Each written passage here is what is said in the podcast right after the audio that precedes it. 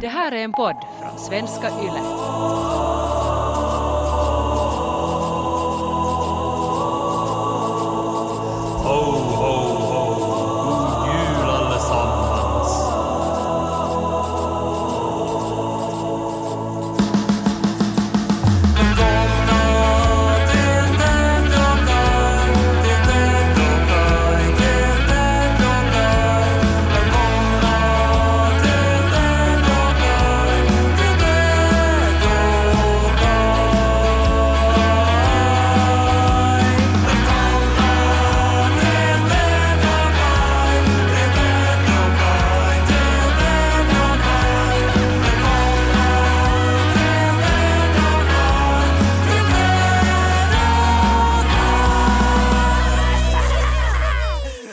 Nå, nu är det jul. När Ove Imborg sjunger så där vackert. Tror du inte han sjunger dagligen? Alltså jag tänker, det är ju många som bara sjunger på jul, men jag tänker Ove är en sån här sång och dansman Mm. som dagligen gnolar till andras glädje. Jag tror det är väl sådär att om man, om man bor till exempel med Ove så kan man när som helst så kan man börja höra såna där bjällerklang i bakgrunden. Och så är det bara att släppa allt vad man håller på med, sätta sig ner i soffan och bara njuta och veta att nu blir det stämningsfullt. Ove är ju Pedersöres egen Mariah Carey kan man säga. Ja, Jag läste om den här låten All I Want For Christmas Is You som ju Mariah Carey har tjänat en fantasiljard på. mm. Det är ju årligen så slås det alltså så här lyssningsrekord på Spotify, alltså flest lyssningar av en låt på en dag. Och det är då Mm. alltid då typ juldagen och det är alltid All I Want For Christmas Is You. Men det som jag inte visste var, var att Mariah Carey har ju alltså skrivit den här låten själv och hon gjorde det på 15 minuter. Så att hon liksom satt där hemma och var så här bara att mm, vad ska jag göra? Um, julsång och så la hon på lite bjällror och sen så gnolade hon ihop den här på 15 minuter som Ove Inborg eller som någon annan, vet du, men så blir det till en sån här Alltså det, hon blir ekonomiskt oberoende Ja, efter inte- 15 minuter. det där är ju nog en efterkonstruktion. Det inte, kan, inte vet, inte var det ju någon som var där med stoppuren när hon skulle liksom skriva den där låten. Det där är ju någonting som hon har sagt sen för att framstå som bättre. Nej men det där, det där skrev jag på 15 minuter. Tänk om jag skulle ha satt en halvtimme på det. Då skulle jag ha två fantastiljoner. Det är ju vissa låtar som omges av såna här legender. Yesterday skrev ju Paul McCartney i sömnen till exempel. Det är ju en känd historia. Han vaknar och har melodin i huvudet. Och sen så tror han att han har liksom stulit den någonstans, men så är det Yesterday. Och, eh, men, men jag tror jag menar, det är ju en väldigt enkel låt. Den har såna här rock'n'roll-ackord liksom. Och sen så, så eh, upprepar den ju sig om och om igen och så här. Så nog kan det ju stämma. Varför är den globalt älskad den där låten? Det är för att alla, Eh, alltså det finns ju inga uh, som är helt heterosexuella, utan alla har eh, en, en, en, en liten bög i sig. Och det, det, det är den som lustrar när den här låten går igång. För den har allting som är liksom så här glatt och gott med livet. Och det är ju det som bögarna dras till. Så vi är alla pikolite Maria Carey-sexuella. Ja, men det tror jag är någonting som vi alla kan enas kring. Att ingen kan säga emot den saken.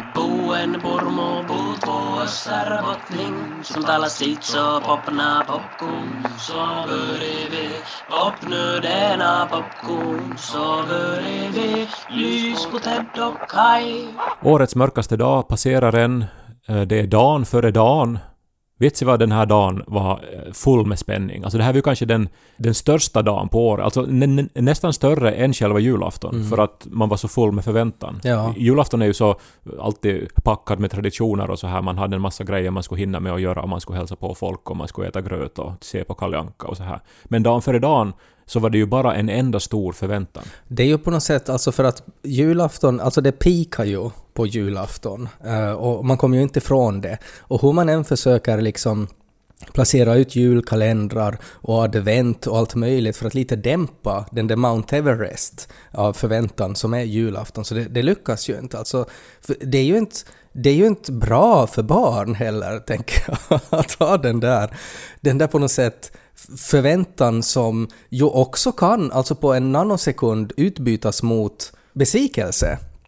Om man Ja. inte får den där uh, haj-monstertrucken som man vill Ja, ha. Men det, där, men det där är väl nog alltså föräldraansvar eh, 101, alltså att se till att barnet inte är besviket på julafton, när Ja. barnet är 4-5 åtminstone. Ja, jag, jag tänker så också, men att ibland så kan man kan bli förvånad över vilka förväntningar som finns också. Alltså att, att tomten ska flyga in eh, på en raketsläde och, och ge en ett, ett äkta fungerande lasersvärd till exempel. Om det finns sådana förväntningar så då är det ju svårare. Är är det här nu någonting du hämtar från, från verkliga livets utmaningar? Eller, Och det, var eller- en, det var en sak som kom upp där man insåg att okej, nu måste vi lite tona ner kanske det här, hur julafton kommer att bli. Ja, men alltså, alltså, ja, alltså, men inte vet jag om det nu är farligt med förväntningar som grusas heller. Det är ju någonting, för, för, att oftast så är det ju någonting annat som uppfylls som gör att man glömmer det då. Och eh, det är ju också bra att barn lär sig om livet eh, i, i tid också. Mm. Ja, att, men det, eh, man drar, alltså det... Man velar mellan det där, för jag tänker ju att barndomen ändå handlar ju om en räcka med besvikelser. Alltså du måste ju lära dig också att bli besviken för att kunna hantera det sen när du är vuxen. Men man skulle ju verkligen inte vilja att man är besviken på julafton som barn. Att det är ju någonting, det är ju någonting magiskt liksom med, med den högtiden och den dagen och det, det är stressigt. Som förälder är det också stressigt. Att motsvarar jag de omöjliga förväntningarna som finns?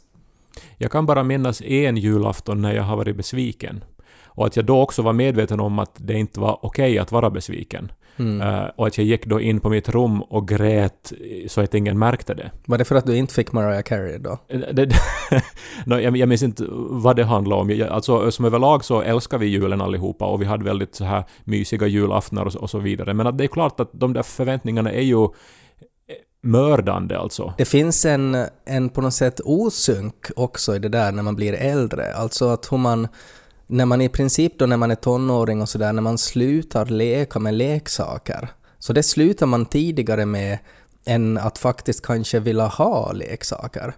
Alltså sådär att, att det skulle vara bättre att man skulle få leksaker ett år extra som man sen kanske inte leker med. Men att, att på något sätt att om man slutar leka i september, typ, och sen får man inga leksaker i december, så då, då är det, det är mycket på en gång där. Alltså att när man plötsligt börjar få inom citationstecken vuxenpaket, Ja. och då menar jag inte alltså så här dildon och sånt, utan alltså att man får just så här stickade sockor och, och kanske doftljus och sånt som man inte gör någonting med. Ja, men det, alltså den där övergångspresenten där, åtminstone för killar, det är väl, det, det är väl en rakapparat, är det inte? Då vet man att okej, nu, nu har det liksom gått över från baren till någonting annat. Jag skulle säga att det, fin- det är väl som en glidande skala det där, för jag, men där finns ju nog också en massa sådana där olika duschtvålar för män och sånt där och, och hu- allmänt så här hygienartiklar som det står män. Så här blå duschtvål. ja. Men eh, jag skrev ju en pjäs eh, som hette Dan före dan, som handlar om dagen före julafton. Mm. Och uh, i den pjäsen så är det då en mamma som håller på att förbereda sig för julafton och så får hon höra nyheten då, eller det är ju den dagens stora nyhet i hela världen, att tomten i Rovaniemi, alltså i den här, den här riktiga tomten i tomtebyn, har blivit mördad av terrorister. Och det här har då skett alltså på tomtens webcam, för tomten i Rovaniemi har en webcam. Så hela världen har sett to- tomten bli mördad. Skrev du den där pjäsen samma julafton som då när du hade blivit så besviken så du måste gå in i ditt rum? det här skrev jag för några år sedan. Men, men ja, blir det inte en intressant fråga som den här pjäsen då handlar om? Ska mamman, eh, alltså hur ska hon eh, berätta det här för sitt barn? Eller alltså hur ska de eh, behandla det här? Och då var ju det tanken då att ja, dagen före dagen, det här är dagen före julafton, men det här är också dagen före magin tar slut och eh, barndomen tar slut. Det är ett ganska brutalt sätt för magin att ta slut. Alltså att, att se tomten bli mördad av terrorister och på det sättet Ja. inse att tomten inte finns. Men vad skulle du göra som förälder där? Skulle du liksom... Alltså att, att, att man ponerar att jag skulle ha suttit på något sätt och se, sett på någon sorts direktsändning tillsammans med Lo där tomten i Rovaniemi delar ut paket och sådär och så hoppar det in en terrorist och skär halsen av honom. Ja, det var faktiskt exakt det som hände i den här pjäsen. Ja. Jag skulle, Uh, jag skulle försöka byta kanal väldigt snabbt men utgår vi från att jag inte hinner det heller. Uh, då skulle jag nog säkert ha sagt något att, att oj, att nu kom det nog något helt annat, att det där var nog, det där var nog något annat. Det. Det var inte, det var inte tomten det där. Men ändå så skulle det här vara någonting som skulle vara på nyheterna säkert i månader framöver. Så det är ju någonting som det här barnet... Han tittar inte på nyheterna. Nej men det här skulle ju människor prata om. Vet du? Hans Ja. vänner också skulle prata om det. Ja, och säkert finns det någon asshole på dagis som skulle ta upp det där sen. Jag, jag skulle nog hålla fast vid det att det inte var, det var nog inte riktiga tomten som de skar nacken av, de här terroristerna. För det här skulle ju också vara ett utmärkt tillfälle då att avsluta hela tomtemytologin också. Och Ja, som- tomten har funnits nog på riktigt och sådär, men nu dog han. Men nu ger vi presenter istället. För tomten är död. Ja, nå, ja men sådana här frågor ändå väcktes ju av den här Ja. pjäsen. Ja, nej men det, alltså det var ju en, en intressant pjäs. Det var det ju. Och det är ju ett intressant upplägg. Men det säger ju någonting om upphovsmannen Nors hjärna också. Det säger väl någonting om tiden också. Det här, den här skrevs ju vid en tid när det var mycket såna här avrättningar och sånt. Liksom Mm. br- brutala attacker. Skulle du skriva det idag så skulle det väl antagligen vara att, att eh, det var någon tomtenisse som hade lite för nära förhållande till en ren och så eh, spreds det en rensjukdom uh, via tomtenissorna till människan. Eh, och så startades en ny pandemi från Korvatunturi. Där tomten är den största smittspridaren som reser jorden runt på en dag.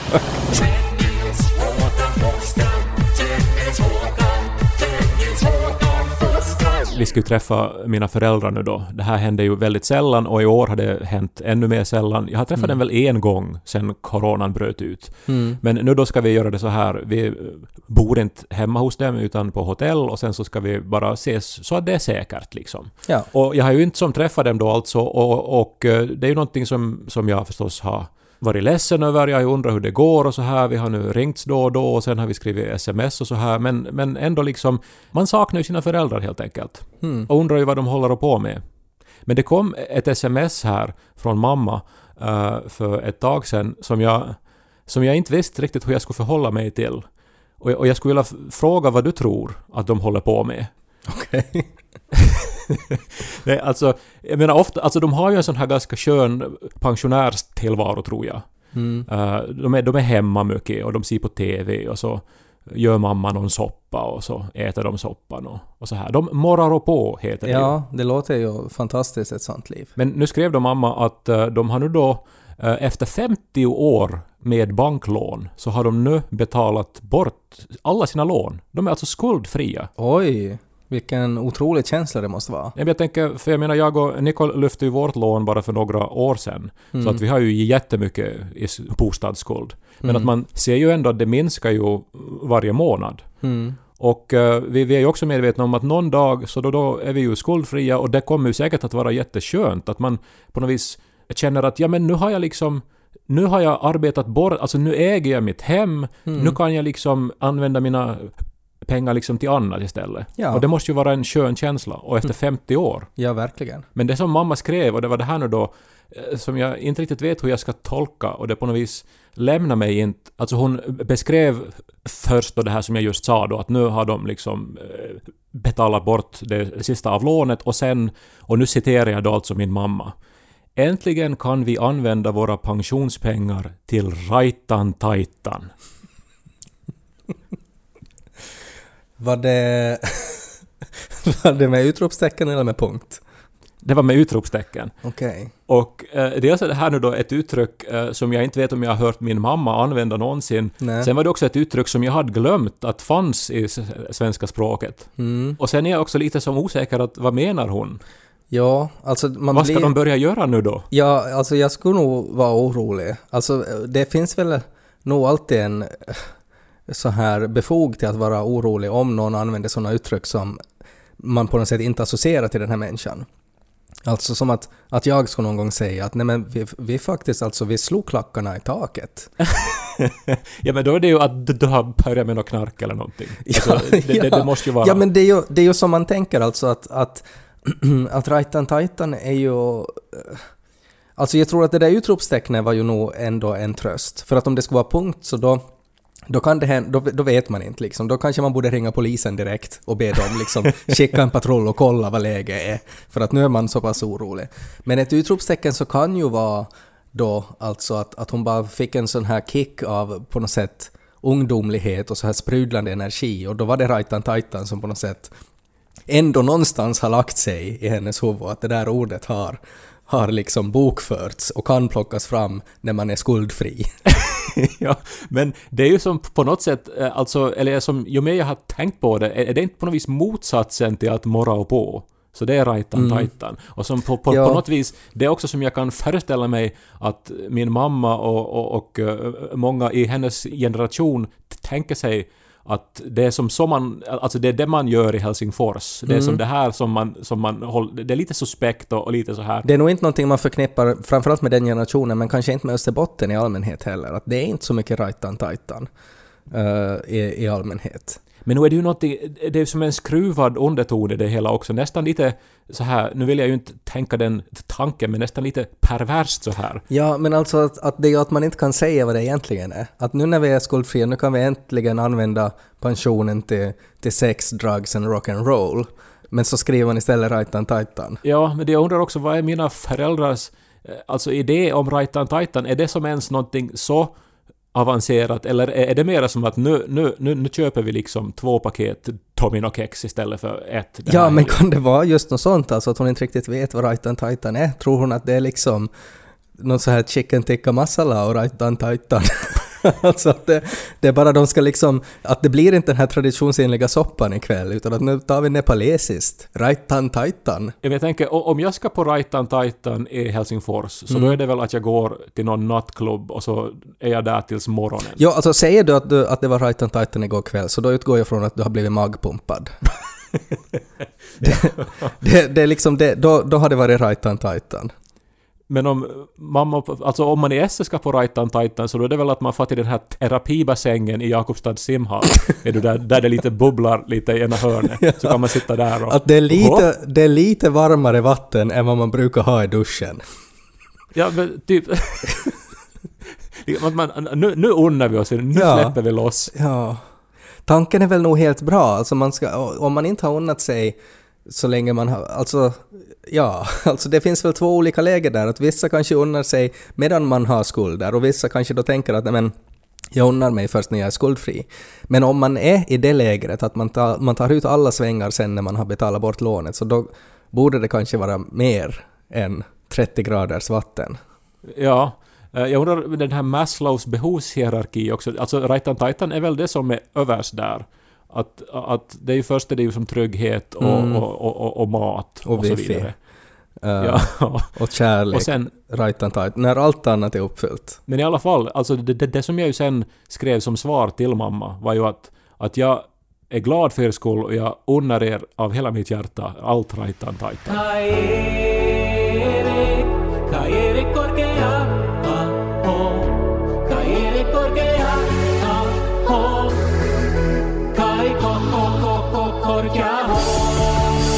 Man blir ju nostalgisk så här inför jul. Alltså, jag- tror att man blir, man, man liksom vaggas in i det med, med så här eh, subtil marknadsföring också. Med just de här Mariah Carey-sångerna och, och den här allmänna marknadsföringen av julen och sådär. Allt handlar om traditioner och man börjar tänka på minnen och, och så här ens egen barndom för att barn lyfts fram så mycket.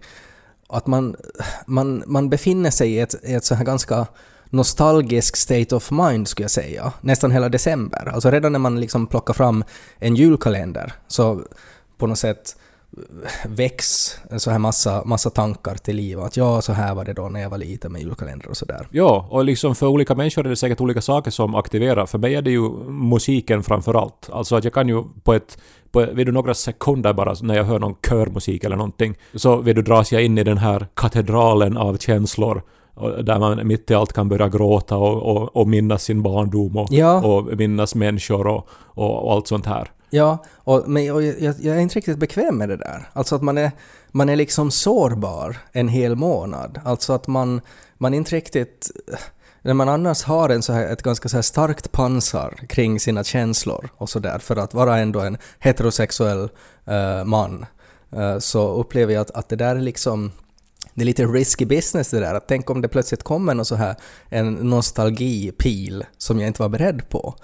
Uh, och, och det här är ju någonting som också förvärrades sen jag blev pappa och också någonting som jag märker blir värre med åren. Liksom att, att man blir mer och mer på något sätt så här benägen till att, att känna nostalgi helt enkelt. Och Jag har ju tidigare pratat om Star Wars, att det, har, det, har, det är ett så här pågående projekt nu i mitt föräldraskap. Alltså att jag, jag, jag överför egentligen mitt intresse på min son eh, och hittills har det gått väldigt bra. Jag har inte egentligen behövt anstränga mig alls utan att han har varit väldigt mottaglig. Eh, att det, det har inte varit något krav eller tvång eller någonting. Och, och det här är ju på något sätt, alltså allt byggs ju upp till att jag ska kunna se på Star Wars-filmerna med honom då när han är kanske sju eller någonting, jag vet inte riktigt vilken ålder man ska se dem. Men det har ju också varit ett problem med det, att eftersom de här tre senaste filmerna så har jag ju då upplevt har varit så jättedåliga. Alltså sådär att, att det har växt en sån här tanke, men att om slutet är dåligt, ska man ge sig in i det då överhuvudtaget? Alltså det var också någonting som var väldigt aktuellt med hur Game of Thrones slutade till exempel. Alltså en serie som jag har tänkt att ja men oj det här är nog så bra det här och tänk sen när Lo är äldre så ska jag se på det här med honom. Men att sen med tanke på hur dåligt det slutar så är det ju sådär att man har på något sätt nästan så här kollektivt bestämt sig att okej okay, men den här serien så den glömmer vi. Den här, den här liksom den här ser vi inte på längre. Och jag har haft lite samma så här känsla inför Star Wars eftersom de här tre nya, alltså den nyaste trilogin helt enkelt. Så den är inte bra. Den är all over the place och den är ganska dålig. Och, och jag har på något sätt så här när jag har lite sådär återupplevt den här magin genom Los ögon när han då har frågat men varför blev Anakin till Darth Vader? Och så får jag liksom dra den storyn och sådär att att det har varit väldigt spännande för mig. Men sen vet jag att sen när, det, när, när vi kommer till de här nya filmerna så då, då, då kommer jag kom, det kommer att skita sig då för att jag har inte samma förhållande till dem. Och säkert också för att jag såg dem som vuxen och inte som barn. Men det är ändå någonting som jag har varit lite orolig för. Men nu har jag ju då sett på Mandalorian, alltså den här TV-serien som, som jag har tidigare pratat om också. Alltså som handlar ju om Alltså det, det, är också kanske min favoritkaraktär från hela Star Wars-filmerna är ju Boba Fett, alltså den här prisjägaren med den här otroligt häftiga dräkten. Och i Mandalorian handlar då om en man som, som tillhör liksom samma släkte som Boba Fett, så att han har också en sån här likadan rustning. Och han är jättehäftig och en sån här en man som jag kanske ser upp till, alltså sådär som förebild, hur han hanterar liksom rymdbrottslingar och hans så här känsla för heder och så här och sin stoiskhet och sådär. Alltså det är någonting som, som jag är sådär att ja, ja, men så där ska man ju vara uh, som, som en, en, en, en, en man i Star Wars. Och varför inte i Finland också? Du vet väl vad Boba Fetts uh, Raitan Taitan kusin heter? No. Rocka Fett. Det är ju ett skojigt, det är ett skojigt namn och Boba Fett var ju skojigt också när man var liten för att det är ju ett skojigt efternamn. Jag minns att du och dina andra vänner, du hade ju mig och så hade du så här liksom sådana som du spelar Warhammer och så på Star Wars med. Och eh, med dem pratade ni mycket om Boba Fett och jag förstod mm. inte alls vad det var. Jag hade, jag hade ju också sett Star Wars men jag hade, inte ens lagt märke till att det fanns mm. någon som hette Boba Fett. Nej, men oberoende, alltså det var, det var liksom... Star Wars har en, det har en viktig position i mitt inre. Uh, och det är en position som har rubbats väldigt uh, mycket med de här tre senaste filmerna. Att jag har på något sätt så här, det har ändrat mitt förhållande, att det, det betyder inte samma sak. Och nu har jag sådär lite, alltså när jag har tittat på, på den här TV-serien Mandalorian, så har jag märkt att det, har, det håller på att ändra någonting här nu. Att plötsligt så är det någon som har gjort rätt, alltså plötsligt så, så är den här TV-serien liksom att allt funkar jättebra och att, att det blir en sådär att men vågar jag, vågar jag liksom tycka om det här? Alltså vågar, vågar det här vara sådär bra som, som jag faktiskt upplever att det är? Tänk sen när jag blir besviken när det kommer de här sista avsnitten, att jag kommer ju att bli besviken. Jag, jag vågar inte hänge mig fullt för det här.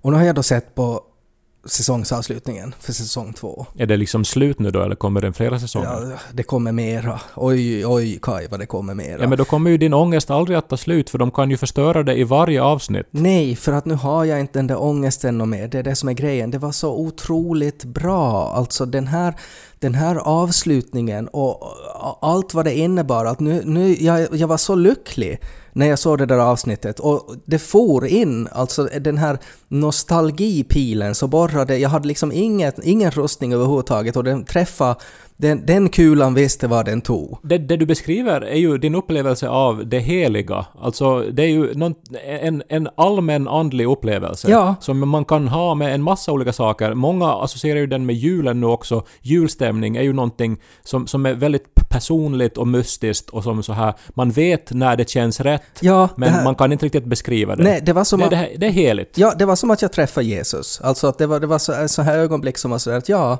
nu, nu föll alla pusselbitarna på plats och nu, nu vet jag hur, hur riktigt bra Star Wars ska vara. Men förstår du då när någon då kommer och ritar en karikatyr på Jesus, att vissa kan bli sårade då? Ja, men skillnaden här är ju att jag ju vet ju att Boba Fett inte finns på riktigt, utan att det är ju några gubbar som har hittat på honom. Så att... Nej men din upplevelse av honom är ju intimt förknippad med dig själv, med det heliga. Men det stora heliga här var, alltså att det jag kan ju för att jag vill ju inte spoila någonting, men att det hände en sak i den här säsongsavslutningen av The Mandalorian säsong 2. När jag, när jag såg på det här så insåg jag att det här var ett behov som jag hade glömt. Alltså att när jag var ett litet barn och fantiserade kring Star Wars så fantiserade jag, tänk om man skulle få se det här. Tänk om det där skulle hända. Och så sitter jag som vuxen eh, och, och tittar på det där. Och så, så på något sätt öppnade det upp sig det där att nej men shit det där har jag ju liksom drömt om sen jag var liten om att få se. Och så får man se det. Och så är det någon amerikan som, som har liksom lyckats skriva det perfekta manuset till en sån sak. Och det, det, det hände liksom, det, det var liksom fyrverkerier i hjärnan när jag såg det där. Men nu- är det ju alltså, jag antar att du inte kommer att spoila det här nu för någon, för det kan vi ju inte Nej, göra. jag kan, jag kan inte spoila det, men det har också att göra med den här besvikelsen av de här, liksom, den, den här nyaste trilogin. Liksom att, att det också fanns, det fanns liksom ett så här lager av besvikelse kring Star Wars och den där ena slutscenen där så borrade upp det där liksom ömsade det där skinnet och de här förhårdnaderna som hade byggts upp kring mitt förhållande till Star Wars och, och träffa rakt in i den här lilla pojken som såg Star Wars för första gången. Och det var en, var en jätte så här att wow, oj, tänk vad häftigt.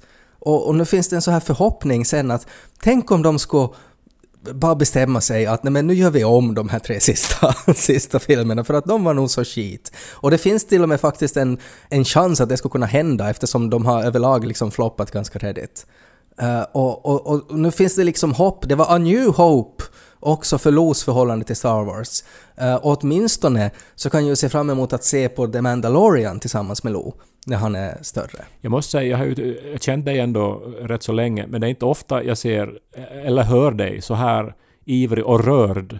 Så att eh, det måste ju vara någonting speciellt det här. Det var någonting speciellt och det var som ett Venn-diagram där liksom det, det var exakt de här beröringspunkterna, alltså eh, jul, nostalgi, Star Wars, besvikelser över att vara vuxen och hur allt det där kunde liksom dras bort och så fanns det bara den där ena ögonblicket kvar som får som en direkt länk till eh, mitt förhållande till Star Wars som barn. Men, så du rekommenderar med andra ord Mandalorian nu då? Jag rekommenderar The Mandalorian. Vi bestämde ju oss redan för kanske tio år sedan, du och jag, att vi inte ger julklappar till varann. Mm, det är ganska skönt tycker jag. Jag skulle ju säga att det har ju kanske räddat vår re- relation. Mm. Är det så här nu kanske lite re- relationstips till alla på jul? Att eh, liksom minimera pressen kring julklappar. Ja, för det blir så lätt så här kapprustning, att, att, att, man ska liksom överträffa varandra och sen, sen är det bara jättemycket stress. Vart leder det här oundvikligen då? Om man ska hela tiden... Alltså det måste ju avsluta det med att Kapitalismens nedfall. det är väl Gösta Ågren som, som, som skriver att kärleken till sist måste övergå i hat. Att det är som det enda möjliga nederlaget där. Mm. Så att eh, då blir det väl då till sist då så skjuter vi varann på julafton. Om, Ja. om det bara blir som att år efter år så måste det bara vara liksom större och häftigare och bättre och bättre. så att det, det börjar liksom med lego och så i något skede så blir det till sockor men så blir det till så här dyra designlampor Mm. och till sist är det liksom ställningskrig och liksom skarpt laddade kulor. Ja, när man inte orkar med ställningskriget något mera. All I want for Christmas is to shoot you in the face. Men jag vill nu ändå Ted önska dig en god jul. Ja, detsamma Kai. Och kanske en... Det har varit, alltså där också när jag har skrivit en massa mail och sådär så, och, och har önskat folk, diverse människor, god jul, så har jag på, på något sätt försökt ta fasta på det där fridfull. Ha en fridfull jul. För att det har ju verkligen inte varit ett fridfullt år.